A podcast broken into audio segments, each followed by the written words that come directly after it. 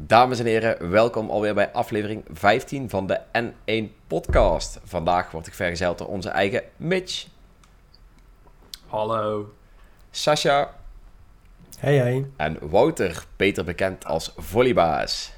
Hallo, bedankt voor de uitnodiging. Ja, graag gedaan. Eh, fijn dat je erbij bent. Het is een keer eh, iets anders, want we hebben een keer een, eh, een lid van N1 erbij. Ehm, Interactie met de lezers. ja, zeker. Dat is nou eens echt community. En luisteraars. Eh, ja, we gaan het in ieder geval hebben over Animal Crossing New Horizons. En eh, ja, de safe data drama's. Eh, Fire Emblem Heroes Pass, Pokémon Home. En natuurlijk ook de game van Wouter. En de Kickstarter van The Wonderful 101. Dat is best wel warm. Maar dan kunnen we Nou, we maar... hebben tijd zat, toch? Ja, uurtje, uurtje. Nee, komt helemaal goed. Gewoon volle bak lukken. joh. Ja, Hoppatee. vooral luisteren naar Mitch en eh, gemopper. En dan komt het helemaal goed. Ja, maar er is ook wel weer genoeg om over te mopperen, laten we eerlijk zijn. Ja, zeker. Zeker. En ik Zullen we dat- beginnen met eh, Animal in- Crossing? Ja, maar het misschien is ook eh, wel even... pakje aan, Dreon. Ja, zeker. Maar, maar het in ieder geval leuk als Wouter zichzelf heel even snel een beetje introduceert voor degenen Oh die ja, hem niet kennen. natuurlijk. Eh, ja, dat kan ik wel even doen. Eh, ik ben Wouter. Ik eh, ben net zoals deze boyo's eh, ook fan van Nintendo games. Regelmatig te vinden op jullie website. eh, in de WhatsApp groep lekker een beetje trollen. En ehm, daarnaast ben ik ook een gameontwikkelaar. Ik heb één keer eerder een game uitgebracht. Het was een mobile game. Verder niet zo heel boeiend. Ehm, en vandaag doe ik uit de doeken waar ik nu mee bezig ben. En ik denk dat er in ieder geval één persoon in deze chat is die daar wel, die daar wel naar uit zal gaan kijken. Ik ga nog niet zeggen wie. Dan ben ik heel benieuwd. wie- Alright, alright. Spannend, spannend. Ja. Ja, mooi. Leuk dat je er bent. Echt, eh, ja, dit is natuurlijk de eerste keer dat wij onze podcast houden met iemand die eigenlijk niet bij de N1-redactie hoort. Dus, eh, ja, mooi. Zie me maar als een soort van spion, oké? Dat is goed, als een spion. hey, we gaan het hebben eh, als eerst over Animal Crossing New Horizons. Want er is natuurlijk eh, van alles eh, gebeurd afgelopen weken. Zo is er bekendgemaakt eh dat je maar één eiland per eh, Nintendo Switch kan hebben. Wat natuurlijk eh, ja, voor sommige mensen een beetje jammer is. Ja, en ik vind het zelf... Ja. ja, ik, weet, ik weet eerlijk gezegd niet of ik het zelf jammer vind. Want mijn, in mijn optiek is het juist wel leuk als je in ieder geval hetzelfde dorp hebt. en die deelt met jouw vrienden of familie. Of weet ik veel net wie jouw Switch gebruikt. Misschien is het wel je hondje. Ehm, dus dat is eigenlijk voor mij nog niet zo'n heel erg dingetje. Al kan ik me wel voorstellen dat als jij eh, jouw Nintendo Switch gebruikt met bijvoorbeeld jouw kleinere broertje of zusje en je scheelt 10 jaar. En diegene die, ja, die kan binnen een dagtijd heel jouw eiland eh, naar de Filistijnen helpen. Dat, dat je er natuurlijk anders over denkt. Ehm, ja, zelf speelde ik Animal Crossing voornamelijk met mijn moeder samen. En eh, dat was alleen maar leuk, want mijn moeder die vond iets en die stuurde het weer via post naar mij toe. Of die had het alweer begraven of weet ik veel net al. Dus dat- voor mij is het altijd wel leuk om juist dezelfde wereld te gebruiken. Maar Maar wat ik- dan eh, speelde je denk ik wel Speelde je dan op dezelfde console? Of had je allebei een DS? Of hoe moet ik dat zien? eh, wij hadden allebei een DS, of ja, een 3DS. Ah ja. Ja. Dus dat kaartje werd gewoon doorgewisseld. Ja, mijn moeder had ook nog de game zelf op de 3DS staan, want die had niet genoeg aan één keer per dag Animal Crossing spelen. Dus die speelde één keer in onze wereld en één keer op haar eigen ding. En in onze wereld was ik de mayor en haar eigen ding was zij natuurlijk mayor. Dus dat was dan op zich ook alweer tof. Eh, zelf vind ik, ja, vind ik dit nog niet zo heel erg, maar waar ik wel heel erg mee zit, is voornamelijk eh, sowieso het cloud save alleen al, dat het niet kan. Ehm, maar al helemaal dat ik mijn game ook niet kan overplaatsen van Switch naar Switch. Daar zie ik wel eh, probleempjes. Ja, Ja, ik- ik- er ja. is, over dat overplaatsen, daar is nog niet heel veel duidelijk van, voor zover ik heb begrepen. Ehm, is stel dat je je Switch namelijk kwijtraakt, of hij wordt gestolen of hij gaat kapot. Dan zijn er wel mogelijkheden, maar je kan niet, bijvoorbeeld als je een Switch Lite hebt en een normale Switch, dat je meet het heen en weer tennis, zeg maar van nou, ik ga nu een eh, op deze zetten en dan op die andere. Dat is niet mogelijk. Nee, en dat is nou net Ja, mijn maar- grootste probleem. Ja, Als het is dat ze nou weer de cloud saves opnieuw hebben heraangekondigd, maar zonder cloud saves en het niet in staat zijn om direct over te zetten van Switch naar Switch, zou je juist zeg maar volledig genaaid zijn als je Switch gestolen wordt of eh, kapot gaat, want die data krijg je er dan niet meer vanaf. Ah ja, dat is ook nog een factor. Ja, dus en, en dat niet alleen. Ehm, kijk, als jij een, een, hele nieuwe Nintendo Switch koopt, dan kun je natuurlijk gewoon in één keer alles overplaatsen. En dan gaat het waarschijnlijk nog wel, want wat je dan doet is gewoon al jouw data van de ene Switch naar de andere Switch gooien. Stel je voor, er komt ja. een Switch Pro of zo. Of jij besluit een Switch Lite te kopen en je gewoon de Switch niet meer te gebruiken. Al zou ik niet weten waarom je dat zou doen, maar het zou kunnen. Ehm, dan gaat het nog wel, maar inderdaad het, het, op en neer tennissen van jouw info. En dat is nou net hetgene wat ik het meeste doe. Ehm, want ik heb gewoon een Switch Lite en een Nintendo Switch. En mijn Nintendo Switch wordt eigenlijk gewoon in en rondom het huis gebruikt. En zodra ik echt wegga, gebruik ik mijn Nintendo Switch Lite. En Pokémon bijvoorbeeld ook, die kon niet cloud saven, maar die kon ik wel gewoon overplaatsen. Dus als ik naar een stel vrienden ging, dan had ik mijn Switch Lite mee. Dan plaats ik de game gewoon over. En dat kan ik geloof, er is op dit, moment maar, op dit moment maar één andere game die uh, geen cloud saves en geen uh, save overdracht heeft. En dat is uh, de Yu-Gi-Oh! game. Ja. Voor de rest is het altijd... ja, voor de rest, is, er zijn wel meerdere games die cloud saves niet ondersteunen, zoals dat Pokémon dat ook is. Maar daar kun je inderdaad wel, zoals, zoals Rian net ook zegt, wel gewoon de save data overzetten, gewoon transfer save. Ja. Maar die optie die ontbreekt dus bij Yu-Gi-Oh! En voor zover bekend aan de uh, downloadbrochure die ze van Animal Crossing hebben uh, gevonden, Mhm. uh, is het Safe Data Transfer dus gewoon niet aanwezig in Animal Crossing. Ja, is gewoon bizar. Ja. Dat, mijn Maar woorden inderdaad. Ik vind het ook maar- bizar. Tegelijkertijd verbaast me dit ook weer helemaal niks. Want ik vind het wel een... een ik zou het echt een typische Nintendo-keuze noemen. Maar Het is zo'n keuze die nergens op slaat. Die totaal niet te onderbouwen valt. Die uit het wel. niets komt opeens. Na allerlei goed nieuws van hè, mensen zijn positief over Animal Crossing. Hebben er zin in. Steeds meer beelden vrijgegeven. Nieuwe details. En dan opeens zo vlak voor release komen die twee nieuwtjes. Meestal hebben ze ook te maken met online. Is geen toeval. En dan is het weer zo van waarom? Waarom kan dit niet? Want je kunt wel zeggen van ja, het is leuk dat je met z'n allen op één eh, Switch speelt. En dat klopt, dat is ook leuk. Maar maak het dan een keuze. Geef Ja. mensen wel de mogelijkheid om meerdere eilanden te starten. Mhm. Ja. Eh, wat ik daarbij wel een beetje eh, als probleem, wat ik, het enige probleem wat ik in kan zien waarom ze dit soort keuzes maken, is ehm, dat je door een of andere vage manier met eh, copy en pasting van eh save data, dat je bijvoorbeeld dingen kan gaan dupen, dus duplicaten. Dus dat jij bijvoorbeeld fancy items. En dan denk ik aan de andere kant, ja, als je dat in World of. Warcraft doet, dan verneukt dat de game. Maar Ja. als je dat in Animal Crossing, waar het gewoon gaat over... hey, ik ben gewoon leuk een eilandje aan het maken, kom lekker op bezoek... en ik ben mijn bomen aan het eh, schudden en dan komen bersen uit, weet je wel. Dat is... Ik zie niet in, ehm, stel dat het wordt misbruikt... hoe dat de game eh ten nadele kan brengen. En zo denk ik dus ook, want het is, eh, het, Ja. het is geen competitieve game. Eh, nou, cool, ik heb een gecheat eilandje, ik ben super stoer, weet je wel. Ja. Dat- Such ja, street boeien. ja. Ja, het lijkt me eerder zo'n spel als, als, weet je wel, een GTA, een single player... waar je af en toe wat cheats in kan voeren voor de leuk en zo. Als dat zou kunnen. Want dat boeit verder helemaal niks, want het is verder niet competitief. Dus zoals je al zegt, ja, wat maakt het uit als mensen daar een beetje lol mee hebben... of lopen te patsen met een, eh, met een super vet, ultra gaaf eh, metalen eh, fort op een eiland of zo. Ja, en, en dat vind ik een beetje een rare keuze. Kijk, het enige wat ik me ook nog voor kan stellen, vooral met cloud saving, is omdat eh, dat eiland staat natuurlijk op één, ehm, op één switch. En die is misschien niet aan een save game. eh, hoe moet je dat zeggen? Die zit niet vast aan een save game. Want die save game. Je bedoelt eh, aan een profiel bedoel je? Ja, ja, want het enige wat jij eigenlijk doet is je profiel of een ding van, of een save data van een profiel die je overplaatst. En niet de hele save data van de game volgens mij. Dus ik kan me voorstellen dat daar misschien iets niet helemaal goed gaat als jij jouw game data overplaatst.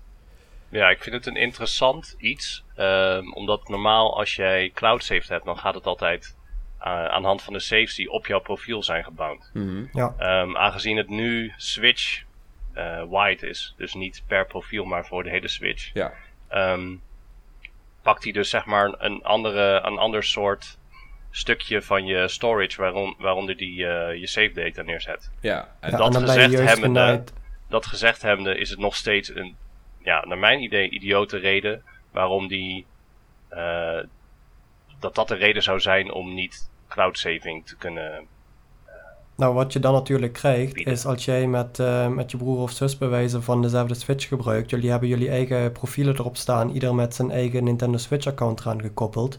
En door de één eiland per Switch limitatie, eh, jij speelt eh, bij wijze van nu Animal Crossing, je bent klaar met spelen, je sluit het af, je pakt je Switch Lite, je bent onderweg, je start het op, je synct het naar je Switch Lite en je bent weer aan het spelen. Maar terwijl jij daar aan het spelen bent, is jouw broer, zus of wie dan ook thuis zeg maar op de Switch aan het inloggen met zijn eigen save profiel, wat dus niet ge- eh, gecloud synced is, want dat is jouw save, Ehm, maar die zit wel op hetzelfde eiland. Mhm. Ja, En ik daar denk dat je ook mis. gelijk het... eh, dat klopt. Dus dan krijg je een conflict tussen de twee verschillende saves. Ja. En dan heb je ook gelijk een heel goed argument aangekaart waarom het heel raar is dat het niet per profiel... Ja, want Eh, dit wordt lijkt me gesaved, meer maar per hele Switch. leveren. Ja. Dit is een ze- beetje het Netflix of Spotify eh, idee van, eh, ja, ik ga met z'n tweeën op hetzelfde account tegelijkertijd. Als je de cheap-ass versie hebt, dat gaat niet. Dat gaat mis. Mhm. Ja, dat is iets anders, want ehm, als jij Animal Crossing speelt, dan beïnvloed je de wereld. Dus dan ben je zeg maar aan het writen naar je save data. En Spotify Ja, is ja, natuurlijk alleen maar Dat is een read-only. conflict die hij dan krijgt. Stel je voor, jij plaatst ergens een boom, maar jouw broertje plaatst die boom daar niet. Hè? Wat is het nou? Staat hij daar wel of staat hij er niet? Ja, precies. En dan krijg je Animal Crossing Parallel Universes. Ja. nee, ja. Maar ik denk dat dat inderdaad wel, eh, wel het probleem is dat ze, dat ze dus nu hebben met die save games, omdat ze zichzelf beetje in de voet zijn gaan schieten met dat, eh, met dat één eiland per systeem eh, principe. Maar Dus ik ben ook ja. heel benieuwd hoe ze dit nou met cloud saves willen gaan oplossen. En ik weet natuurlijk niet, eh, met die transfer save data, ik durf niet te zeggen of dat hij de gehele save data van die game pakt. Dus of dat dan, ik durf eigenlijk niet te zeggen of dat van een profiel is. Zou ik Nee, nee, dat is gewoon de save data van jouw profiel. Als. Nee, maar ik bedoel met Jij, transfer save data, van een switch naar een switch. Ja, ja. Ja, maar als jij eh, twee profielen op je, ehm, op je Switch hebt staan en eh, je hebt op profiel A ben je Pokémon gaan spelen met, eh, weet ik het, Scorbunny als starter. Mhm. Op profiel, profiel B ben je met, met Sobble gaan, gaan beginnen. En je transfer, doet een save transfer van profiel A naar je Switch Lite. Dan heb je alleen de save game van dat profiel op jouw, op jouw Switch Lite staan. Oké, oké, duidelijk. Ja, ik hoop in ieder geval echt dat ze iets hiervoor, hiervoor vinden, want dat is, voor mij is dat echt een afknapper. Want Zou dit nog veranderd kunnen worden, denken jullie? weet ik Met niet. een update of zo, of met een patch, of noem het op. Ehm, ik denk dat het achteraf heel erg lastig wordt. Omdat je dan moet gaan bepalen, oh, bij welk profiel hoort hij dan en dat soort dingen. Ja. Ehm, wat ze nu nog wel, wat naar mijn idee heel realistisch lijkt, voor zover mijn kennis reikt met software engineering, ehm, is voordat je de game release kan je dit nog prima fixen. Als je merkt dat er zoveel backlash is hierop, dan kan je dit, ehm, ja, dit is niet iets wat je onmogelijk meer recht kan zetten. Want ik blijf het een raar principe vinden met die één switch eh, is één eiland. Mhm. Ja, Eens. Ja. Oké, nou, ik denk dat we hier ook wel een consensus over hebben, want iedereen is er gewoon mee eens dat hij anders moet. Eh, op het moment dat jij een Switch kwijt bent, eh, kun je je save game al niet meer gebruiken. Dat is gewoon jammer. ja. En het is ook puur een, eh, ja, een, een ideologische keuze, denk ik, zou je bijna zeggen. Want met kracht eh, heeft het, denk ik, vrij weinig te maken. Het is niet alsof als dadelijk de Switch Pro uitkomt van... hey, deze Switch ondersteunt twee eilanden, want hij is krachtiger. Nee, het Nee. heeft helemaal niks Nee. met eh, nee, power te maken. Nee. Totaal geen impact. Nee, typisch. Nintendo dus. Eh, we gaan even kijken hoe dat zich eh, ontwikkelt. Ik ben benieuwd of ze nog iets met die backlash gaan doen. Ik verwacht het haast wel. Want hij komt in maart uit. 10 maart. Maart, 20 Nee, maart. 20 maart, sorry. Dus dat nou, is dan, nog, hebben ze eh, nog wel, dan hebben ze nog wel... eh, maand. ik denk dat hij wel al gold... Ik denk dat hij halverwege februari dan wel gold gaat. Ja, ik verwacht toch dat ze een keertje met reviewkopieën gaan komen en zo. Ik betwijfel het. eh, ik denk niet dat ze dit nog eh, gaan veranderen. Want je moet redelijk wel het een en ander gaan aanpassen in je, in je design, in hoe bepaalde dingen werken, die systeem onderling. Mhm. En dat is te laat om dit te doen. Dat, dat is mijn Ja. eh, idee. Nee, ja, dat, denk dat ik ook. een, Dat is eh, zo'n dat is zo'n een goed punt. cruciaal, diepliggend iets. Ik, eh, ik ben benieuwd. Laten we het hopen. Als we het toch hebben over typische Nintendo dingen. Wat is nou tegenwoordig Nintendo typisch. Nintendo? Want vroeger had Nintendo natuurlijk echt de good guy eh, developer, zeg maar. Nintendo was de enige die al die rare fratsen nog niet uithaalde, zoals andere bedrijven dat deden. En dat lijkt steeds meer te- zo te zijn dat ze dat nu wel gaan doen. passes, Ja. extra geld via mobile binnenhalen. Juist, dat Yep. zien we steeds meer gebeuren. Ze hebben nou eentje van Fire Emblem Heroes. Volgens mij had Animal Crossing er ook Pass. alleen. Hm? Wat zei u? De, De- ve De pas. Fe-pas. De Fe Pas. Ja, Het klinkt, het klinkt ook gewoon bagger, gewoon. Klinkt van- meh. Ja, klinkt meh, fe. Ze hebben niet eens alles hoofdletters gemaakt. Het is gewoon een woord. Fe. ja, ja het is... Ik weet niet. Ik, eh, ik, ik heb sowieso niet echt iets met die game. Ik heb hem een tijdje gespeeld, eh, naar mijn. Ze geven op zich redelijk veel gratis weg, zodat het niet saai wordt. Maar ja, ik speel liever is een goede gacha Fire game, toch? Ja. Maar ik speel liever gewoon een goede Fire Emblem game. Ik bedoel, je kan ook Fire Emblem Three Houses spelen voor 60 euro op je Nintendo Switch. Ja, precies. Dan ben je klaar. Ja, eh, Ja, ik vind het wel een interessant iets, want ik denk dat dit, ehm, het is een beetje two sides van the same coin. mhm. Het is in eerste instantie, ben ik het ermee eens, van ja, die overpriced eh, mobile dingen. En hè, Mario Kart Tour is wat mij betreft daar een heel goed voorbeeld van. Oh, Dat het zeker. gewoon, dat het gewoon ja, voor ons als, eh, als, als gewoon gamers is dat gewoon iets waarvan je denkt, ja, later. Maar aan de andere kant, ik heb regelmatig als ik gewoon een beetje door de stad loop, whatever, dan zie ik mensen die dan bijvoorbeeld Mario Kart aan het spelen zijn. Eh, en dat, oké, ik ken die mensen dan misschien niet altijd persoonlijk, maar dan weet ik wel van, deze mensen spelen niet op een Switch of whatever. Die denken, hé, hey, ik heb een telefoon. En dit is dus het alternatief voor mensen die niet, zoals wij, heel erg geïnvesteerd hebben in al die gaming stuff. Wel een Mhm. mogelijkheid om eh, een introductie te krijgen naar bijvoorbeeld Mario Kart. Maar En denk- dus dan misschien later dan denken, oh hey, ik kan een hele vette Mario Kart complete game kopen met een Switch. Dan ga ik daarin eh, door. ja, oké. Je bereikt gewoon een hele andere doelgroep ermee. Maar ehm, Ja. kijk, ik, dit gedeelte snap ik. Dat is ook vrij logisch en ook een goed iets om te doen. Maar die passes en zo en de hoop betaalde gedoe, zij, daar zijn zij ook niet de doelgroep voor. Want zij kopen eigenlijk al geen Nintendo Switch. Laat staan dat ze een hoop geld pompen in een mobile game. Tenminste zou ik heel raar Nou, dat dat dat wel het is- besluit is. Jawel. Ja, Nou ja, er worden hier wel wat aannames gedaan, vind ik. Ten eerste de aanname dat eh, mensen die in de stad op hun telefoon Mario Kart Tour ziet spelen, geen Nintendo Switch hebben. Ik denk dat dat voor een groot deel van de mensen wel zal gelden, maar het zal ook voor een deel zal er overlap zijn, want ik heb Mhm. die game ook met relatief wat plezier gespeeld en ik ken ook wel wat mensen in mijn, eh, in mijn omgeving die eh, zelf ook gamer zijn en het gewoon vet vinden dat Mario Kart naar de telefoon eh, komt En bij is gewoon helemaal niemand. In mijn een hot franchise. En ehm, ja, dus dat is een aanname. Maar wat ook een aanname is, is dat mensen die Mario Kart Tour spelen... eh, geen geld uitgeven aan in-app purchases. Want dat lijkt mij ook duidelijk wel het geval. Ja, er zijn volgens mij... Ik weet niet meer of dat eind vorig jaar was of begin dit jaar wat, wat cijfers uitgekomen. Ja, ja, dat die van Fire Emblem zijn helemaal doet. ziek. Die van Fire Emblem zijn helemaal ziek, de, de cijfers. Dus dat is ook niet wat ik bedoel. Maar ik bedoel, als je eh, al de aanname neemt dat het geen gamers zijn, dan vraag ik me wel af, als niet-gamer, investeer je dan veel in een mobile game? Nou ja, de- dan moet je... Kijk, dan ga je weer naartoe, wat is een gamer? Dat is Hmm. natuurlijk eh, een begrip wat eh, heel veel gebruikt wordt en soms niet altijd eh, even duidelijk is wat nou de exacte definitie is. Maar iemand die op zijn telefoon spelletjes speelt en daar geld in investeert en dus geïnvesteerd is, daar veel tijd in steekt, is wat mij betreft een gamer. Hè? Even los van het elitaire van, is het wel een echte gamer? Dat is een gamer. En dat soort mensen die spelen mobiele games en die vinden het leuk om die dingen te kopen, want dan halen ze meer uit hun game. Ook al is dat deels oppervlakkig en overpriced en noem het maar op. Maar die mensen zitten in dat, in dat rad, zeg maar, van... Hè, die, Ja. die krijgen die, die lekkere beloningen, die geluidjes. En die denken van, oh ja, ik heb toch geld, kopen. Want die he- hoeven geen geld uit te geven per se aan een, aan een Switch of aan 60 euro games. Dus die steken het dan gewoon in mobile games. Ja, Ja. ik denk dat je de spijker op zijn kop slaat. Wat dat betreft. En, en je hebt daar wat dat betreft ook gewoon, ehm, wat ik daar straks bijvoorbeeld bedoelde met doelgroepen, eh, ook hele andere mensen die op dit soort games eh, ook afgaan. Als ik bijvoorbeeld Mhm. een eh, andere, dan niet van Nintendo zelf, maar van Niantic, Pokémon Go bijvoorbeeld pak. Ik heb zo, zeker toen, toen, het, toen de hype real was, toen het pas hier uitkwam, zoveel mensen die het speelden, die nooit in hun leven een, een Pokémon game of een Nintendo ook maar aangeraakt hebben, die waren dat massaal aan het spelen. En luurs Eh, waarom? Omdat, ja precies ja, en ook gewoon geld in aan het uitgeven. En waarom? Gewoon omdat het mobiel beschikbaar was. Opeens werd gewoon een hele andere doelgroep die gewoon de behoefte niet had aan uh, groot investeren, voor hun gevoel groot investeren in games of consoles, uh, die begon op een gegeven moment Pokémon Go te spelen.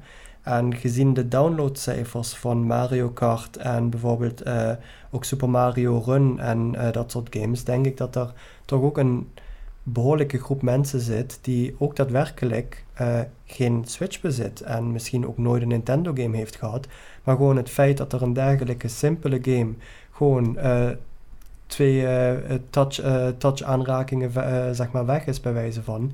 Um, dat, dat trekt gewoon aan. Ja, is gewoon heel, heel toegankelijk, makkelijk. Je kunt het zo downloaden, het kost niks, dus waarom zou je het niet proberen? Precies. Ja, en, en daarbij wil ik ook nog wel toevoegen. Ik denk dat het belangrijk is om ook te beseffen is. Um, omdat je net stelde van ja, is dat nog steeds wel good guy Nintendo? Wat hmm. mij betreft, zolang dit soort annoying lootbox-achtige zooi uit mijn AAA 60 euro titels blijven, dan vind ik het helemaal prima dat de free-to-play model op deze manier ook op Nintendo uh, eh, IP's wordt uh, gebruikt. En zolang dat verschil er blijft, zal ik er echt geen issue mee hebben. Hmm, oké. Ehm, ja, daar, uh, dat is natuurlijk daar niet het enige... Daar sluit ik me op zich wel bij aan. Zeker. Alleen dat is natuurlijk niet het enige bad guy ding wat Nintendo bijvoorbeeld doet. Um, Kijk, wel laten we eerlijk zijn. We hebben ook regelmatig dat wij ergens een special edition van willen hebben. En dat er een redelijk gecreëerde schaarste is aan, aan games of aan Nintendo Switches. Of uh, er lijkt het tenminste ook steeds meer op dat het gewoon een gecreëerde schaarste is. Zodat mensen die game nog liever willen hebben. Of die console. Bedoel je dan de limited editions van bepaalde games? Bijvoorbeeld, maar niet alleen de limited edition van bepaalde games. De Nintendo Switch bijvoorbeeld uh, heeft ook een tijd gehad dat die heel moeilijk te verkrijgen was. Uh, ja, bij de Nintendo... steeds moeilijk te verkrijgen. Ja, bij de Nintendo Ja, het heeft andere redenen nu. Bij de Nintendo Wii... Ja, nu wel, ja. Ja, nu heeft het natuurlijk een andere reden. Bij de Nintendo Wii geloofde ik het echt. En dat kan ook misschien aan mijn leeftijd liggen. Of omdat dat ding gewoon echt als een dol over de toonbank ging. Maar uh, soms heb ik echt het gevoel dat er een gecreëerde schaarste is als het gaat om games of om de consoles. Of, uh, en daar, ja, ik vind het wel een interessante stelling, want de, de gecreëerde schaarte, schaarste van switches, ik heb dat nog nooit in ieder geval op deze manier zo gezien, want dat ding is nou, een, is nou eenmaal heel erg populair. En in bepaalde regio's uh, is hij inderdaad minder goed te verkrijgen. Nu heb ik niet de research gedaan, maar is dat niet gewoon omdat daar ook die dingen van de toonbank afvliegen? Want je hebt natuurlijk altijd een limiet aan hoeveel je kan produceren. Ja. ja dat denk ik wel. Ik, ik weet het niet. Nou ja, het ding is, die gecreëerde schaarste die zag je wel bij bepaalde Nintendo-producten. De Wii is bijvoorbeeld een berucht voorbeeld. Maar bij de Wii kan ik me heel goed voorstellen dat men na uh, de GameCube, wat een relatieve flop was voor Nintendo console-standaarden, uh, dat men zoiets had van, nou, we gaan er niet enorm veel produceren, want dan zitten we dadelijk met ladingen, fabrieken vol met Wii's die onverkocht zijn. Dus hebben ze dat langzaam op gang gebracht. Denk van, oh ja, die Wii, dat is eigenlijk een mega succes. Er moeten wel even een paar fabrieken bij. Oh, maar hij is nu schaars. En dat vinden mensen ook wel interessant. Maar de afweging tussen van, dat vinden mensen ook wel interessant. Of we kunnen meer geld verdienen met meer consoles verkopen. Die is denk ik voor een bedrijf relatief makkelijk. Nou ja, wat kijk, uh, waar, waar, waarbij het mij nog het meeste is opgevallen, is die uh, mini Nintendo's. Daar, ja, maar die zijn limited. Had ik echt het gevoel bij. Ja, nee, ja, ik weet niet. Daar had ik echt het gevoel bij dat het gewoon super express was. Zo van, oké, we doen alsof ze limited zijn. Dus nu is er gecreëerde schaarste. Uh, mensen gaan er van alles voor doen. En vervolgens werd hij natuurlijk nog gewoon honderd keer uitgebracht. Maar daarbij had ik echt het gevoel, dit is gewoon een gecreëerde schaarste. Ik weet niet of het zo is. Je, je doelt nu op die plug-and-play dingen. Ja, ja die, die uh, Nintendo uh, SNES en NES minis. Daarbij had ik echt het gevoel, vooral bij die tweede, die SNES mini, dat het gecreëerd was. Omdat natuurlijk die eerste redelijke buzz had. Ik weet niet. Is misschien mijn gevoel. Ik, uh, schiet me er niet op af als het niet zo is. Wel, maar... wat dat betreft snap ik het wel meer, ja. Bij de Switch heb ik dat gevoel niet, maar bij die SNES wel. En dat is vooral omdat die op een gegeven moment ook gewoon maar niet meer terugkwam. Dat was op een gegeven moment uitverkocht. En nu... Het was zo, nou, ik hoop dat je me hebt uh, bemachtigd. En anders, uh, ja, jammer man. Doei. En toen was het op een gegeven moment toch van, ah, we hebben er toch opeens weer een miljoen. En nu kun je ze overal vinden, zeg maar. Ja. En, en daar vond ik een heel apart iets. Want dan, natuurlijk, dan zeggen ze van hij is weer beschikbaar. En dan koopt iedereen het alsnog als een gek, zeg maar. In de hoop dat hij, eh, ja, voor het geval die nog een keer niet meer beschikbaar is. Ja, maar dat, dat, dat zou aan de ene kant zou dat een tactiek kunnen zijn. Dat Aan de andere kant denk ik dat zo'n mini-console, die ging toch wel als een gek verkopen. Dus ik vraag me dan Dus af het is toch hoeverre raar dat dat... er niet genoeg van geproduceerd is. Vooral na de eerste, waarvan al bekend was dat die goed zou verkopen. Ja, misschien zoek ik er te veel achter. Maar het is natuurlijk wel een marketingstrategie die niet alleen Nintendo gebruikt. Ehm, Ja. Maar het- ja, Maar ja, zoals, maar laten we wel bij zijn. Hè. We hebben eerder in dit gesprek ook al eh, gezien, eh, Nintendo maakt soms gewoon domme keuzes. Mhm. is Ja. het gewoon. Dus dat ze zoiets hebben van... En misschien dachten ze ook van, nou, we willen onze console business niet te veel... De, de- dat te veel afleidt van de hoofdconsole, dat soort dingen. Je weet nooit wat daar in overweging is gegaan. Maar ik sluit ook zeker niet uit dat de hoge heren bij Nintendo hebben gedacht van... Nou ja, als we dat ding een beetje limited edition en, en schaars maken, dan dan is dat goed voor eh, de, de waarde van het merk Nintendo. Zoals bijvoorbeeld ook eh, spellen van 60 euro na vijf jaar nog steeds in de Mario en Zelda franchise voor diezelfde 60 euro in de winkel liggen. Ja, ja, dus daar gaat een beetje dit... eh, ja, omdat we het hebben over good guy Nintendo. Ja, ik weet niet. Sommige marketingstrategieën zijn dan toch niet zo heel goed. En natuurlijk, het is een bedrijf, het moet geld verdienen. Maar hè, Ja, als we het dan hebben maar over ik wil, wel, ik, wil wel, ik wil wel even een onderscheid maken tussen die dingen waar we het nu over hebben. Hè. eh, scha- mogelijk gecreëerde schaarste eh, producten van 60 euro die vijf jaar da- na dato nog, nog geen eens een euro korting hebben gehad. Hmm. Dan wil ik wel even een onderscheid in maken tussen dat en de gold passes en de betaal 41,99 euro voor Diddy Kong met 45 rubies.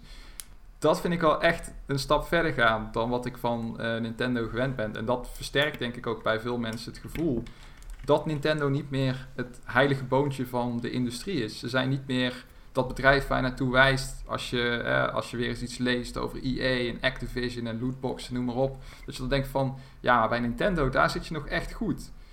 en Dat denk is je dat wel- dat te maken heeft eh, met die nieuwe president, die Furukawa?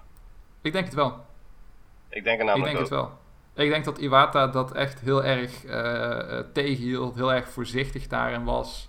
Beetje, de, een beetje op zijn tenen liep, zeg maar. Hij wilde niet dat Nintendo in zoiets zou veranderen. En ik denk dat, dat is ook een aanname, maar ik denk dat die Furukawa, dat hij daar iets, dat is iets meer een zakenman.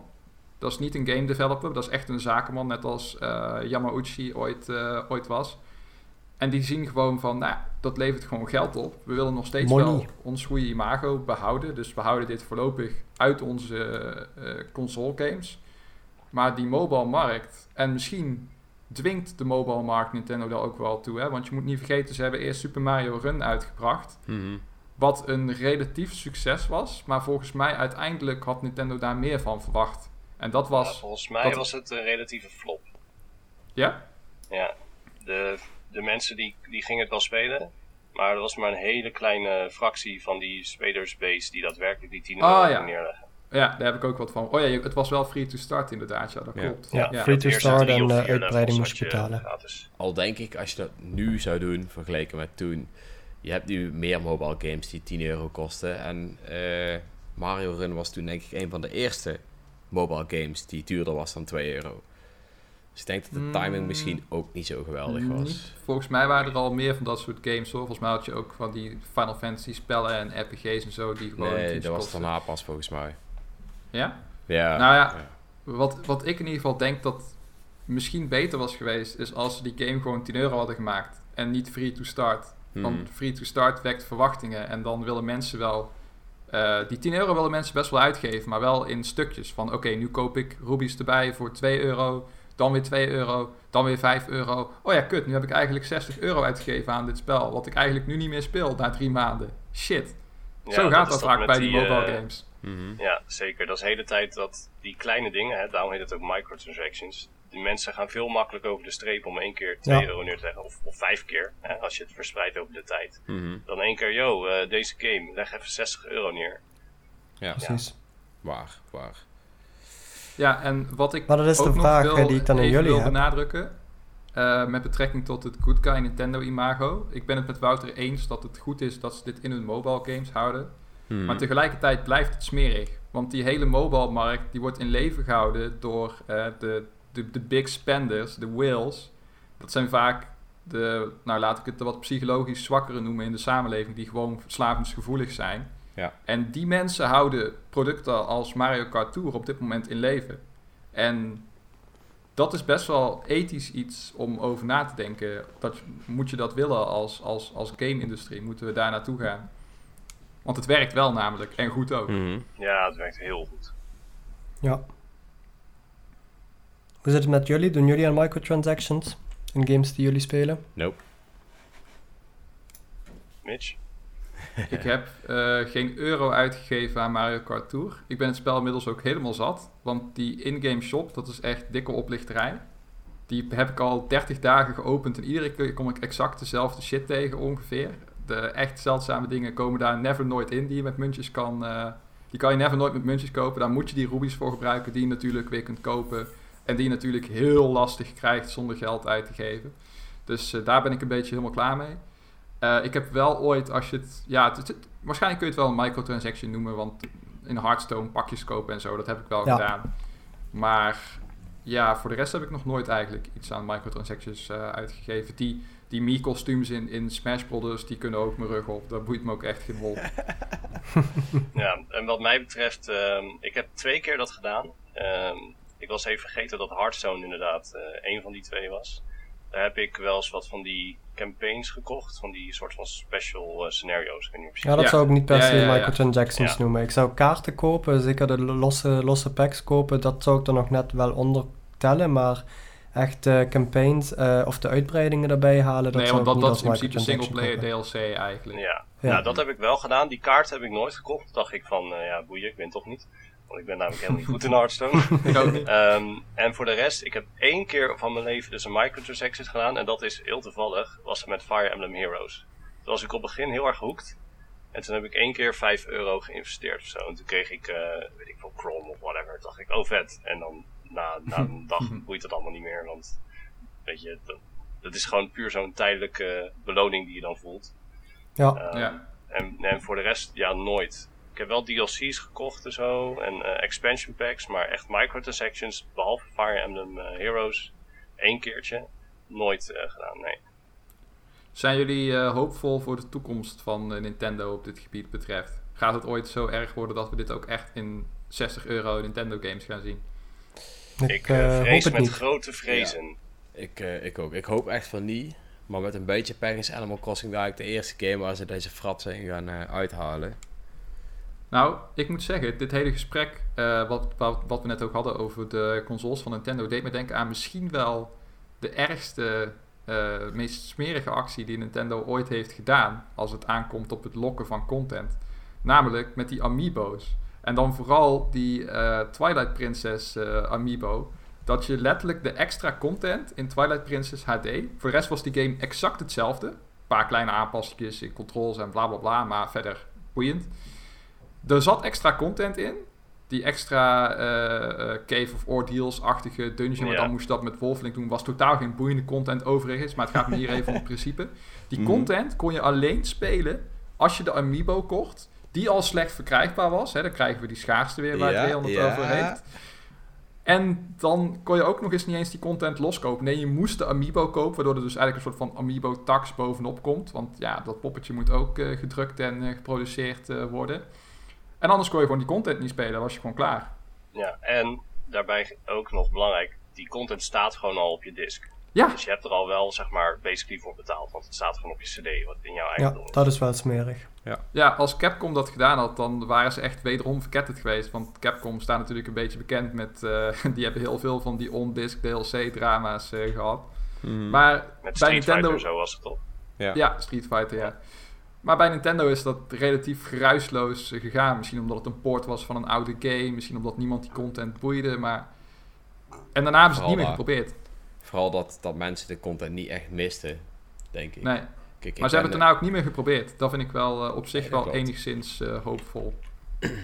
Dat klopt, dat klopt. Alright, nou ik denk dat we het hier eh, ook wel over eens zijn, of niet? Ik denk van wel. Ik denk het ook, ja. Dan is de vraag, hoeveel Microtransactions, microtransactions krijgt eh, Wouter zijn game? Ja, Eh, want daar gaan we nou, nu dat- naartoe. Met de billen bloot, Ehm, Wouter. Kom maar op Ik kan tafel, je jongen. daar eh, heel, heel makkelijk antwoord op geven. Daar komen nul microtransactions in. Hey. Het is namelijk Maar- geen free-to-play model. En ik vind dat eh, alleen free-to-play models mogen microtransactions hebben. En andersom. Duidelijk. True that, true that. Mee eens. Mm, Nu neem ik aan dat het misschien leuk is om daar wat over te gaan vertellen. Dat was wel het bruggetje. Pak je Ja, bruggetje, begreep jongen. ik, ja. Pak hem maar. De stage ik pak is zo yours. goed die hints op. Hè. Eh, dan wil ik eigenlijk beginnen met een vraag stellen aan Mitch. ehm, om even dit bruggetje wat meer compleet te maken. Mitch, wat vind jij nou echt een vet spel? Wat vind ik echt een vet spel? Eh ja, De hint zit in je, die hint zit in je icoontje op Discord. Smash Brothers. ja. Ehm, Ik wilde bijna Ja. weer Katana Zero gaan zeggen, maar... Die hebben we vorige week gehad. precies. Eh, goed, Smash Brothers, ja. Ehm, het is ook geen geheim dat eh, ik daar groot fan van ben. Ehm, en wat vind ik heel erg gaaf aan Smash Bros. Dat zijn die, ehm, eh, die vette combo's die je kan maken. Door gewoon zelf intuïtief moves aan elkaar te rijgen. Ja, Ehm, dat vind ik een van de gaafste dingen aan Smash Bros. En dat zie ik ook eh, bij bijvoorbeeld grote melee tournaments en zo. Dat je die pro's tegen elkaar ziet. Vind ik het zo gaaf om te zien dat ze met dezelfde moveset. Zonder ingewikkelde Street Fighter-achtige combinaties in te vullen. eh, dat ze van die moves aan elkaar rijgen. En dus eh, de enemy eh, in de pan hakken. Wat ik ook heel erg vet vond aan Smash Bros. ehm, was. verder was ik geen fan, fan van die game. Was Smash Bros. Brawl. Maar dan de Subspace Emissary. Mhm. Ehm, omdat het een soort van adventure was, maar dan wel met de Smash, eh, Smash Bros. ehm, gameplay. En eh, ik zat een beetje met die dingen in mijn hoofd van, nou, kan ik daar niet iets cools mee? Dus toen ben ik op het idee gekomen om een, eh, een Smash Bros.-achtige beat'em up te maken. Die eh cooperatively ook kan spelen. Dus met z'n tweeën in hetzelfde team. En dat je à la Subspace door levels gaat. En door de character die je speelt, die heeft dan een moveset. En met die moveset kan je dus eh, eh, die combo's gaan maken tegen je vijanden. En de gameplay wordt daardoor dus ook heel erg combo-heavy en combo-oriented. En word je beloond door stylish combo's te maken. En een beetje zoals in eh, het Platinum Games spel. ehm, ja, denk ook een beetje aan Devil May Cry. Nice. Ja, dat is in principe, ja, dat is pre-Platinum Games, maar het Ja. is eh, oorspronkelijk van Kamiya. Ja, precies. Zelfde Ehm, DNA. Dus ja, nou, mix dat ook nog even met een soort van Double Dragon-achtig genre. En dat is een beetje wat ik nu aan het bouwen ben. En ik heb Mitch en Dreon heb ik al een keer een screenshot gestuurd van Mhm. een eh, hond. Ehm, en daarom heet het ook nu eh, een, een projectnaam van de game is nu, eh, in plaats van Double Dragon is het Double Doggo. Double Doggo. Maar dat wordt dus de projectnaam, dat gaat zeer waarschijnlijk nog veranderen. Ehm, ik zou dat voor de jongere, eh, jongere luisteraars onder ons niet googelen. Oh, goeie. Hm. Moet ik ook nog eens over na gaan denken dat het toch wel eh, ethisch verantwoord is. Of Ja. je zet safe search aan. ja, precies, maar ja, wie doet dat? ja, Maar goed, ga just, verder. say, just Ja, saying. dus eh, nou, ik ben dus nu bezig met ehm eh, het hele systeem een beetje in elkaar te zetten. Eh, ik heb zelf een game engine geschreven, omdat ik wil dat die op eh, 60 frames per second draaien en zonder delay en zo. En ik heb niet heel goede ervaringen met Unity. Die eh, kan wel eens laggy aanvoelen. Mhm. Ehm, en door het zelf te bouwen heb ik de volledige controle over hoe alles gaat werken en waar ik kan optimaliseren en zo. Ja, Ehm, goed, ik ben dus nu bezig met een prototype. Dat wordt één level met, ehm, met een playable character, dat je dan wel met z'n twee kan doen. En ik heb al beloofd al aan Dreon dat bij ehm, eh, de reveal van echt van de eerste beelden en echte gameplay, dat dat eh, bij jullie eh, gaat worden. Alright. world Dus eh, premiere. dat ziet als een pri- primeur, ja. Dus ik ben nog hard mee bezig. Ik eh, doe het samen met eh, een, eh, een eh, meisje die eh, zit nu in Korea. Eh Shout-out naar jou, Tia. Dankjewel voor al je hulp. Die helpt me met Alright. alle graphical artists en zo. Want ik ben, ik ben echt een engineer en ik maak alles heel lelijk, maar het werkt.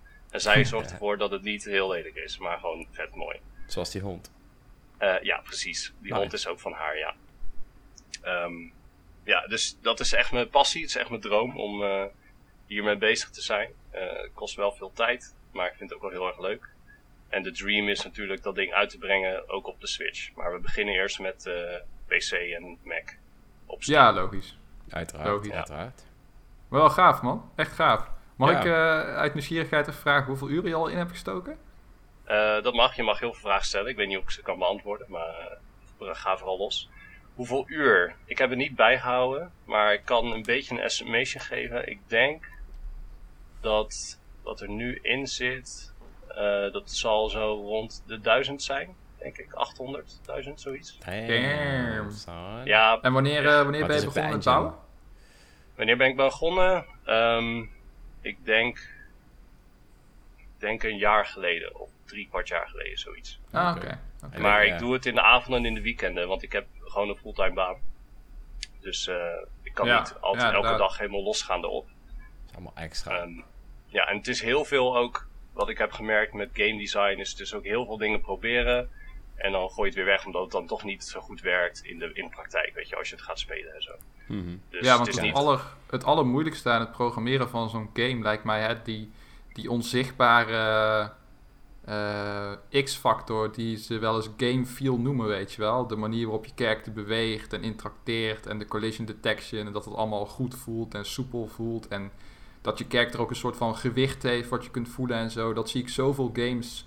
Nou, ja, je hoeft, je hoeft de Switch eShop maar te openen op een willekeurige dag en je ziet zoveel troep staan dat ik denk van ja, daar is totaal niet over dat aspect nagedacht. Die of in ieder geval oef. geen prioriteit gegeven. Ja, nou dat is iets wat bij mij op nummer 1 staat, wat dat betreft. De gameplay first. Ehm, je, staat, je staat ook weer de spijker op zijn kop met gamefeel. Want ik had eerst een versie. En dat was eigenlijk precies zoals jij omschreef. Het voelde clunky. Je, had, je voelt niet een gewicht, zeg maar. Het voelde heel erg ehm, eh, alsof je niet in controle was. Ja, En dat had ik zelf nog niet echt goed door. Omdat je, je zit zoveel je eigen spullen telkens te checken. Mhm. Dat je blind raakt voor je eigen project. Dus wat ik dan doe is, dan vraag ik een Mattie van mij van... Hey, wil je spelen? En dan zeg ik eigenlijk niks. Dan geef ik hem gewoon die controller en dan gaat hij even los. En dan kijk ik naar zijn reacties van of het, of het begint te kloppen, weet je wel. Ehm, en er zijn wel... Ik heb ook heel veel video's gekeken van andere game designers. Want die hebben dit al redelijk uitgespeeld. Er zijn heel veel dingen die je kan doen aan game feel. En het is heel belangrijk. Eh, denk aan bijvoorbeeld ehm eh, hitstun hitlag. Dus op het moment dat je Mhm. iemand raakt, dat zie je bij Smash ook, en het is een hele grote attack, bijvoorbeeld de Falcon Punch, die attack, eh, dan staan beide characters even stil. En dan schudden ze een beetje en dan zie je allemaal van die visual effects. Ehm, je moet voor de grap maar eens naar training mode gaan in eh, Smash Ultimate. En dan iemand een klap geven en dan moet je doen dat je per frame er doorheen kan springen. Hoe groot die visual effects zijn, als je een aanval doet, ook is maar een simpele klap. Echt bijna de helft van je scherm zit vol met rode en gele kleuren, maar echt voor maar een kleine fractie van een seconde. En dat is, draagt allemaal bij aan wat jij zegt, die game feel. Heel ja de impact ook. Ja. Ja. Ja. Nice, nice. Handig werk. Wat zeg je, Sascha? Ik zeg dat is handig wat werk. Eh, ja, maar het is wel heel cool. Ik eh, kijk er ontzettend naar uit om eh, dit te tonen op het moment dat dit in een staat is waarvan ik eh, zelf ook trots ben. En dat het echt speelbaar is en dat je echt een level hebt. Ja. Ehm, Maar het wordt een PC-game. In eerste ja, instantie. PC, eh, Mac, dat sowieso, Steam. En dan daarna is de dream is op de Switch uit te brengen. Dat, dat, maar dat is niet nu mijn eerste prioriteit of zo. Snap ik. En Ja. die engine, want daar ben je natuurlijk ook de meeste tijd aan kwijt. Dat is logisch. Ehm, die heb je ook zo geschreven dat je hem nog ooit voor andere games kan gebruiken? Of puur gericht op deze game? Ehm, het kan voor andere games, maar hij is wel echt gefabriceerd Geoptimaliseerd. voor echt dit ding. Ja. Ja, ja, ja. En het is niet dat ik helemaal from scratch hoor. Er zit nog wel een laag tussen, zeg maar, echt de hardware en wat je zelf schrijft. Ja. Ehm, en dat is dezelfde engine die bijvoorbeeld eh, Celeste gebruikt. Ah, eh, die game die ken je denk ik wel, Celeste. Stardew Valley ook trouwens, draait ook op, eh, op die engine. Nice. Oké. Maar het is, het is wel een stuk kaler dan Unity. Want Unity is bijna een soort van slur en plur, drag Ja. and drop interface. Waarbij je, op, een game, weet je wel. Dat is het veel minder dan dat. Ja, dan krijg je ukulele, de eerste. Ja, Ja. precies. ja, en dat merkt, nee, oprecht. Maar je, je merkt wel dat het daar, dat voelt niet helemaal lekker, toch? Mhm. Nee. En dat vind ik heel indrukwekkend, want in Ukulele 1 is die game feel vind ik echt slecht. Gewoon, de, je, je character voelt te licht of te... Alsof je niet deel is van de wereld. Eh, Als je een ventje raakt, er is nauwelijks impact. Het, het voelt allemaal heel amateuristisch aan. En in de tweede, zelfde, eh, zelfde eh, Unity eh, engine, hebben ze dat echt allemaal getweakt tot in de perfectie. Dat het echt gewoon, dat je denkt van ja, dit speelt lekker weg. Klopt, dat ben ik mee eens. Eh, dat verschil is heel groot. En dat zie je ook bijvoorbeeld bij Hollow Knight. Hollow Knight Mhm. werkt ook op Unity. Daar heb je Mhm. ook niet het gevoel dat je. ehm, ja, dat het, dat het clunky is. Dus het, ik denk echt dat het heel erg te maken heeft met hoeveel tijd investeer je. Om, eh, ook al draai je op Unity, om nog wel nog steeds de puntjes op de i te zetten. Dat, de polishing phase is echt super belangrijk als je een game aan het Ja. afronden bent. Ja, Maar het wordt dus wel gewoon een betaalde game. Dus het wordt geen free-to-play game. Eh, nee, dat klopt. Het wordt een eh, betaalde game. Eh, ik zit wel te denken aan een demo. Maar ik, ja, ik sta ook voor mijn eigen kwaliteit wat dat betreft. En ik zit te denken, het, het zal niet duurder worden dan 15 euro en ook niet goedkoper worden dan 8 euro. Het zal ergens daar tussen gaan zweven. Ik denk dat dat een eerlijke prijs is, ook kijkend naar bijvoorbeeld Celeste, was ook 15 euro. Ehm, ja, ik, ik vind dat, dat vind ik een mooie price range voor dit soort games. Ben je aan het overwegen om misschien iets als een ehm, eh, GoFundMe of, of Kickstarter ervoor te doen om eh, mogelijk meer content of eh, ehm, meer, toch een, nog, nog een, maatje hogere kwaliteit te kunnen leveren? Ehm, nog niet heel erg over nagedacht, omdat ik me eerst heel erg focus op dat eerste prototype, om te kijken of het überhaupt eh, goed eh, ligt. En op het moment dat ik dat prototype heb eh, gedaan bij jullie bij eh, N1, maar ik ga het ook dan showen bij indie events eh, daarna. Als ik merk dat het heel erg in smaak valt, dan ga ik pas kijken naar, heeft het überhaupt zin om een Kickstarter te doen? Ehm, want in principe, kijk, stel je nou voor, je, je geeft mij nu 20.000 euro. Dat betekent niet dat automatisch het spel eerder af is of, meer kwaliteit Nee, precies. Mhm. Het, je moet nog steeds wel echt de goede stappen ondernemen om te zorgen dat je game gewoon mooi wordt. Ehm, natuurlijk, met meer geld kan je mensen aannemen die bijvoorbeeld gaan helpen met soundtrack of sounddesign en eh, eh, level design, dat soort dingen. Maar daar moet je echt, daar moet je echt heel goed over nadenken en een goed plan voor hebben voordat je ehm, daadwerkelijk iets gaat doen als Kickstarter. Het is niet van, nou, ik, eh, ik denk een game maken, dus ik zet hem op Kickstarter. Ja. Nee, duidelijk. Duidelijk. En als we het dan toch over Kickstarter hebben, gaan we ook maar eens een bruggetje maken naar de volgende game, denk ik. Zo smooth dit, jongen. Zo smooth. Super smooth, smooth. jongen. het is bijna alsof je dit vaker doet, hè? hey, want eh, ja, Wonderful 101, daar is namelijk een Kickstarter van gestart. Het gerucht ging volgens mij al een paar dagen voordat deze eh, online kwam. Ja. Ehm, nou, dus, Ja, het is Camilla dus zelf heeft eh, ook eh, een tease gedaan. Met eh, een leuke foto. Met achterop die screenshot, eh Ja. de screensaver van zijn laptop. Of van zijn eh, PC, pardon. Met eh, de tijd op 1.01. Dus ja, dat zat er echt heel hard aan te komen. Ja, ja, ja. Alleen, ja, alleen dat het via st- Kickstarter zou komen was voor mij niet het eerste idee. Want ik dacht natuurlijk gewoon, er komt een remake aan voor de Nintendo Switch. En toen kwam er Ja. dit. Ja. Eh, ik- En hoe die Kickstarter is gegaan.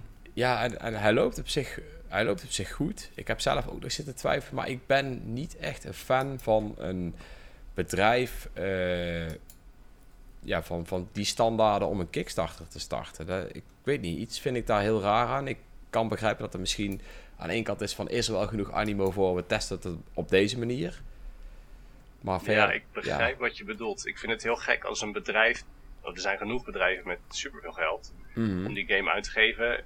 Ik vind Kickstarter meer iets voor een kleine groep mensen die gewoon eh, independent is, die iets van de grond wil krijgen. Maar niet Ja. van hey, eh, we willen deze game wel uitbrengen, maar ja, misschien is het niet financieel heel erg. Dus weet je wat, we doen al crowdfunding, dan hebben we in ieder geval wat meer zekerheid. Ik vind dat ook een vreemde, ehm, ja, een vreemd gebeuren om dat als bedrijf te doen. Ja, juist. Ik heb Wouter. dat- dat is echt ook precies mijn gedachtegang. Want vooral startende mensen kan ik het heel goed bij begrijpen. Maar je, zij kunnen makkelijk een publisher zoeken hiervoor.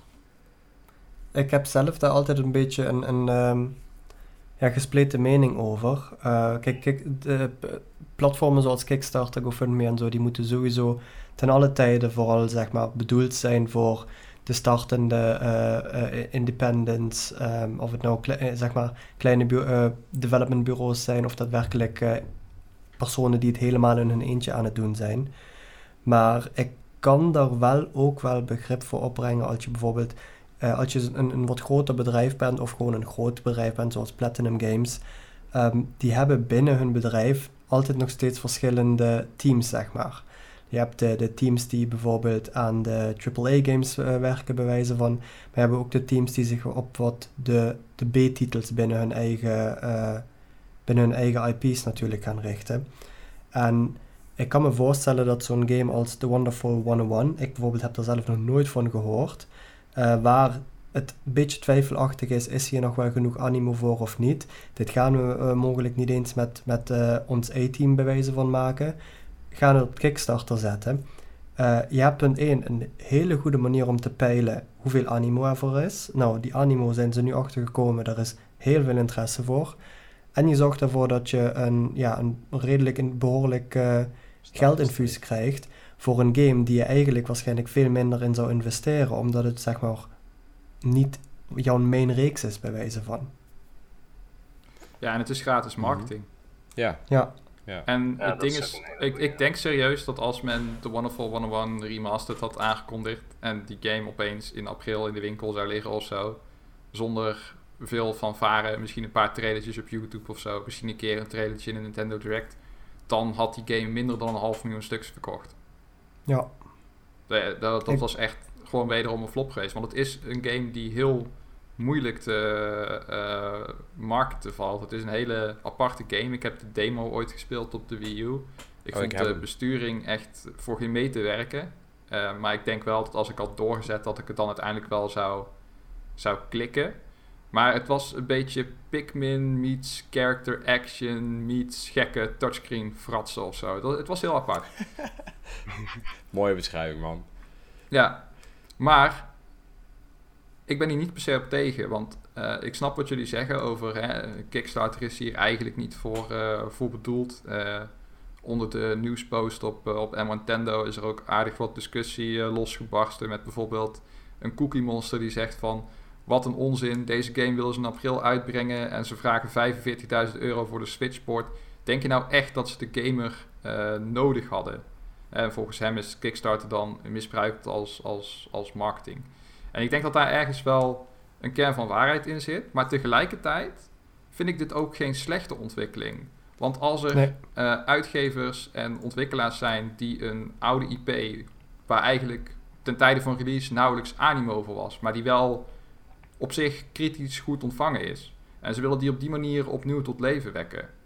Dan doet dat wat mij betreft niks af aan kleine ontwikkelaars die hun eerste game willen maken. Want ik denk niet dat het een het ander hoeft tegen te houden, snap je? Het, is niet dat het een ten koste gaat van het ander. Dat is mijn mening.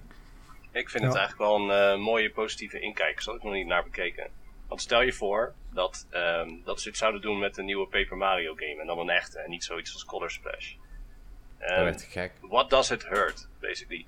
Zeg maar, wat kan het kwaad om een Kickstarter te gebruiken voor... Nou, oké, halve marketing natuurlijk ook. En om gewoon te weten, oh kijk, mensen zitten dus hier echt op te wachten. Ja, Het precies. voelde in eerste instantie een Mhm. beetje gek, maar nadat ik Sasha en jou heb gehoord, Mitch, vind ik het eigenlijk... Ja, het doet niet echt kwaad. Ja, mee eens. Ik, eh, jullie hebben mij ook om, eh, om weten te draaien. Ja, Ik, ehm Nou ik ja, zelf ik, zou ik hier weet, bijvoorbeeld... Ik, ik, weet niet, ik, ik, ik, ik snap wel dat het, ge- het gevoel blijft bij mij wel ergens wel hangen van... Ja, waarom heeft zo'n relatief groot bedrijf dat dan, eh, dat dan nodig? Is het dan niet logischer dat ze dat gewoon doen? Want eh, helemaal als je het over een Paper Mario hebt... Nintendo kan dat geld makkelijk missen. Die kan Mhm. echt wel een, een Paper Mario flopje leiden. Dat, dat is geen probleem voor hen. Maar aan de andere kant, als dat ervoor zorgt dat het publiek soms meer inspraak krijgt in eh, het type games dat gerevived worden. exact. Hè, en dat daardoor misschien ook genres terugkomen die eh, voor dood verklaard zijn. Ik bedoel, stel je voor dat eh, bijvoorbeeld de makers van R-Type of zo, dat die Kickstarter maken voor een, voor een nieuwe R-Type of zo. Met moderne graphics en pushballs, noem het maar op. En dat dan daardoor er weer meer shoot-em-ups worden gemaakt als dat een succes is. Dat is zomaar ik denk dat dat precies ook hetgene is wat, eh, wat het doel ervan is. Ja. Ja. Dat, eh, het is niet, niet zo, geld is denk ik niet, eh, niet het hoofddoel wat, waar hun Kickstarter voor gebruiken. En daar kun je voor of tegen zijn. Maar wat ik, eh, wat ik dus ook al aangaf, ik denk dat het hier vooral is het, het peilen van, van hoeveel interesse is er en hoeveel mensen willen ervoor gaan. En ehm, ja, dat- inderdaad de marketing. Ik denk als ze zoiets als ehm, eh, Ma- die Mario RPG games bijvoorbeeld. eh, dat zou zo'n zo'n game zijn die je ook prima zou kunnen kickstarten. Gewoon, daar zit een behoorlijk grote en behoorlijk trouwe fanbase achter die games.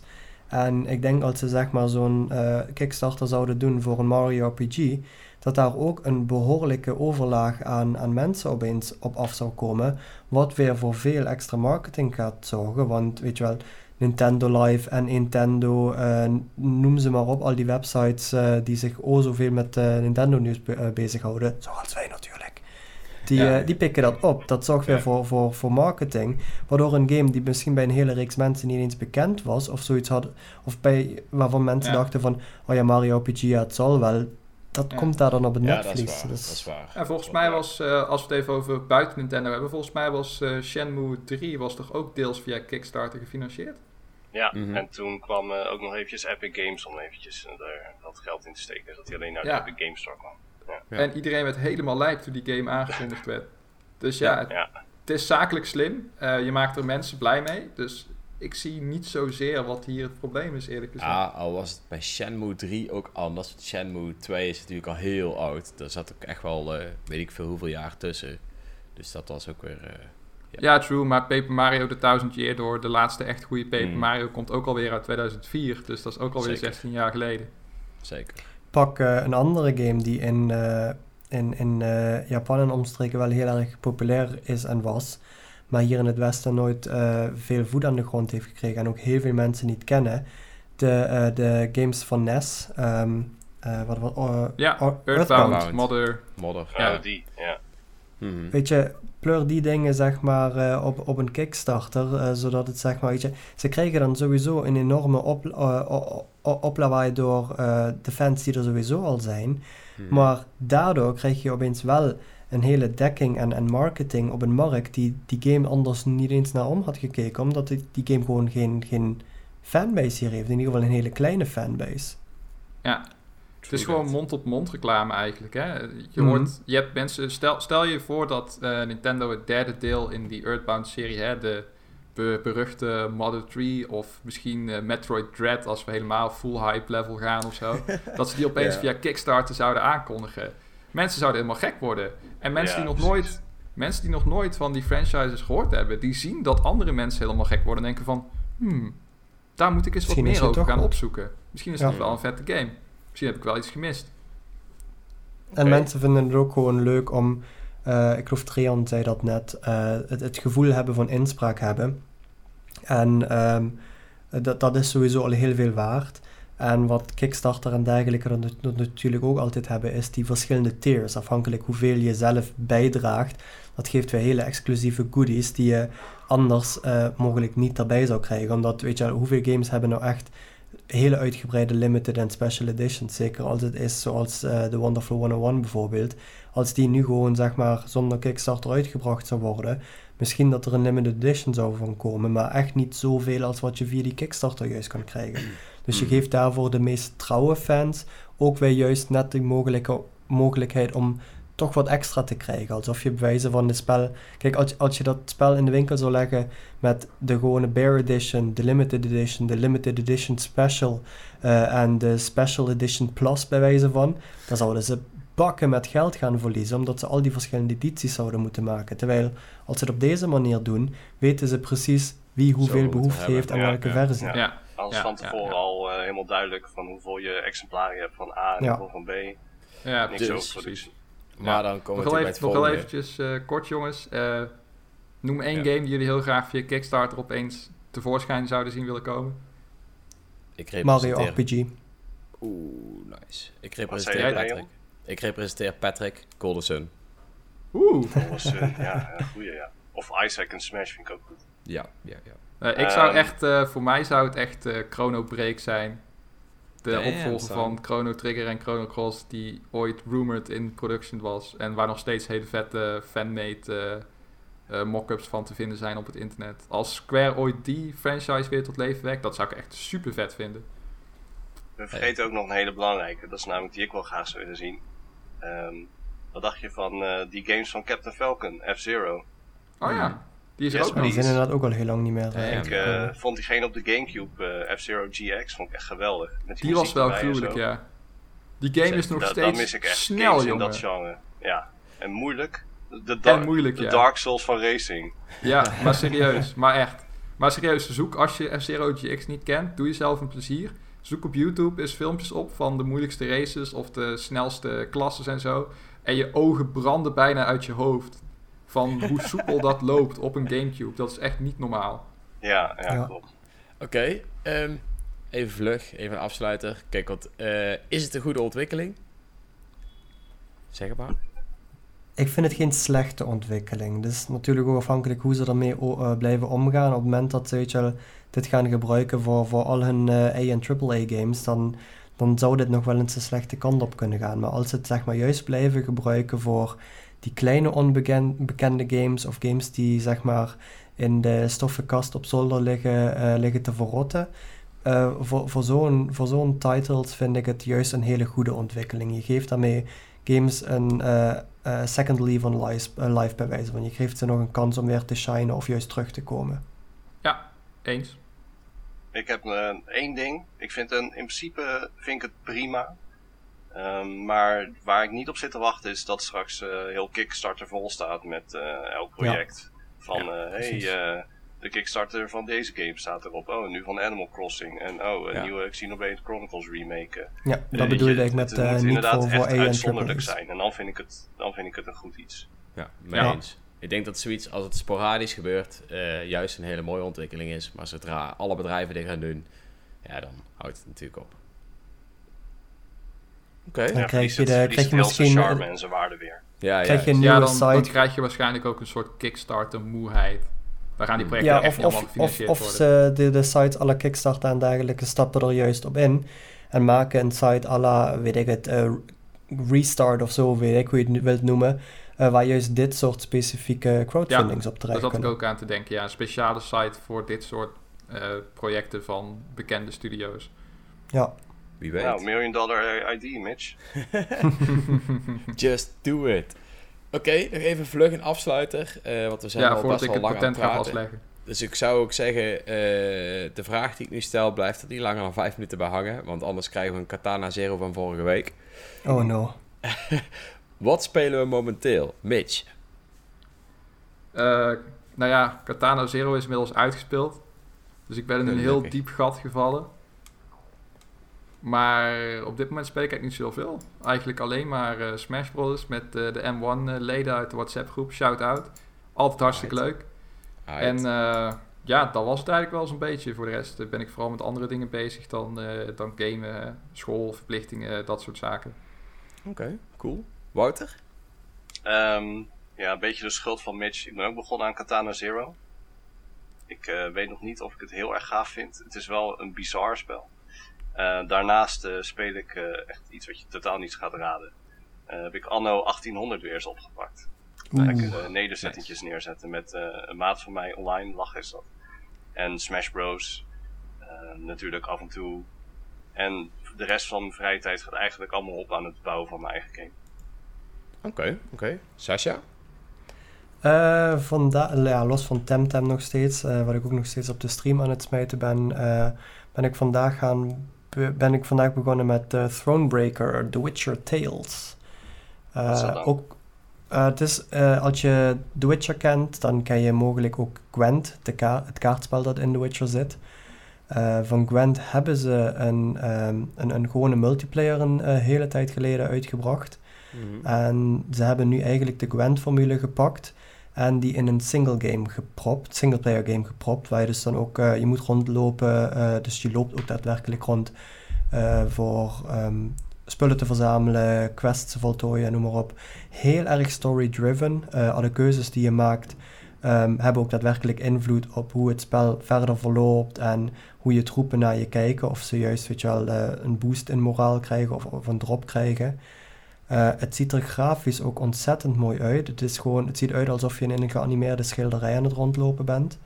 Dus ehm, ja, visueel gewoon heel prachtig. Alles is gevoice act. eh, wat ook heel erg mooi en vooral knap, eh, werk is, vind ik. En ja, dit heeft gewoon echt die, die heerlijke fantasy, epic Witcher sfeer als het ware. Dus ehm, als je van, van eh, strategy card games houdt, à la Magic, Gwent en Hearthstone, eh, en daarbij ook van, van story-driven eh, games houdt, absolute aanrader. Of je gaat naar onze Twitch, waar ik vandaag één uur lang gestreamd heb van het begin van Thronebreak. En dan kan je zelf kijken of het je een beetje aanstaat. Maar ehm, ik ben er heel erg van te spreken en ik denk dat ik hier nog wel wat tijd aan kwijt ben. Ehm, ben ook van plan om hem vaker te gaan streamen. Dikke aanrader. Tot nu toe. Oké, tof. Tof. Ja, ik ben zelf eh, sowieso wel fan van eh, Gwent. Dus eh, sowieso van heel de Witcher franchise. Dus waarom ook niet, toch? Ja, Gaaf. Gaaf. Ja, verder. Ik zelf natuurlijk. Als laatste. Ik heb nog één review game gekregen. Inmiddels ben ik eindelijk klaar met al die RPG's die ik allemaal heb gereviewd eh, door, dit, eh, door deze paar maanden. Ehm, ja, er waren allemaal echt RPG's van 80 uur. Dus ja, heftig. Ik ben nu bezig met Monster Energy Supercross. eh 3, overigens. Sorry. Eh, ja, het is een race game met motors. Ik ben normaal helemaal niet van de race, race games. Maar ik dacht, laat ik hem gewoon eens uitproberen. En dan zie ik wel. Eh, Kun je er niet Ja. een leuke video van maken, Dreon? Dat je gewoon eh, na iedere minuut gewoon een blik Monster Energy achterover ja ik dacht klopt. Ik hetzelfde. denk, ik denk dat je dan na een half uur geen, eh geen eh, le- Dreon meer eh, hebt liggen hoor. Dan ben je Get gewoon weg. get wrecked. Nee, dat gaat hem ook niet worden. Ja. Ik ben sowieso niet zo fan van Monster Energy drink. Vind ik helemaal niet de meest lekkere. Ik vind het ook echt eh, chemische bagger gewoon, waar, waar, waar ik echt mijn hond nog van aftrap. Is misschien ook je terug, want je hond gaat er dood aan. Ja, nou, mensen ook hoor, als je er maar genoeg van drinkt. Ja, nou ja, ik, eh, ik ben benieuwd naar deze game. Eh, het is wel een hele realistische race game, dus dat is heel erg wennen. Want ik ben natuurlijk Mario Kart gewend met drift en al die bullshit. En dat gaat hem niet worden in deze game. Eh, dus het is wel een leuke uitdaging om eens een keer iets te spelen wat meer richting realisme gaat als het om racen gaat. Want ik speel eigenlijk nooit realistische race games. Dus, Maar is eh, het niet ja. ook een beetje zo'n extreme sportstitel, weet je wel? Waarbij je gewoon keihard van rams afknalt en zo? Eh, nee, want echt motocross is, eh, ja, dat doe je ook wel bij. Maar motocross heeft ook heel veel te maken met juist eh, kleine bochtjes en al die dingen. Ah ja, ja oké, het is Dus, zo'n titel. Oké. Ja, dus ik, eh, zal- eh, we gaan het zien. We gaan het Ja. zien. Eh, verder ben ik nog bezig met Fire Emblem eh Three Houses. Vette game, natuurlijk. Weten we allemaal. Binnenkort DLC. Ja, ja, ja, ja, ik moet eerst de game nog uitspelen. Ik heb er zo'n 30 uur in zitten. Dus eh, ja, Oh, dat heb je nog even te gaan. ik heb nog even te gaan, ja. Genoeg, Hey, genoeg te doen. dit was de podcast, jongens. Dat was hem weer. Eh, ik wil Hey. Wouter natuurlijk hartstikke bedanken. Want eh, is de eerste keer dat wij er iemand bij hebben van, eh, van buiten de N1 crew. Ik heb eh, Ja. genoten Ja, van super je... fijn eh, dat ik er een keertje bij mocht zijn. Nee, heel erg leuk. Dankjewel. Ja, ja, ja wie weet eh ben je nog vaker aanwezig. Eh, ik heb tenminste genoten van jouw aanwezigheid. Ik denk de rest ook wel. Nee, natuurlijk niet weg dat eh, als ja, jij denkt, eh, je hebt Kan, iets... nee. Oké, duidelijk. Als, nee, als, als jij als. Eh, tof dat je er inderdaad een keertje bij was. En eh, leuk om eh, even te horen ook over je, over je game. En eh, we zijn zeer benieuwd naar het eindresultaat. Ja, stay tuned. Stay tuned. Ja, nice. Dan wil ik natuurlijk ook nog eventjes eh, de luisteraars bedanken. En jullie twee weer voor je aanwezigheid. Net als altijd. En ik zou Altijd, zeggen, hè. tot de En volgende voor de keer. luisteraars die zelf denken van... Hey, ik heb ook wel wat eh, vets eh, om te vertellen of Nintendo-related om met jullie mee te babbelen. Ja. Drop een comment en eh, laat van je horen. Misschien zit jij de volgende keer ook daarbij. Ja, ja, ja. Kijk, eh, de enige vereiste is wel dat je echt een fatsoenlijke microfoon hebt. eh, Ja. En koptelefoon, want dat is wel makkelijk voor communicatie. Maar verder eh, ben je misschien Ja, dat wel... is gewoon een beetje die N1 seal of quality die wij nastreven. Ja, dat is beter dan een Guitar Hero mic. Beetje. Dat was geen rockband. Wie daarom, zou zei dat ik, nou daarom, doen? daarom zei ik het ook. nou, in ieder geval, ik wil iedereen bedanken. En tot de volgende keer. Later. Later. Hoi hoi.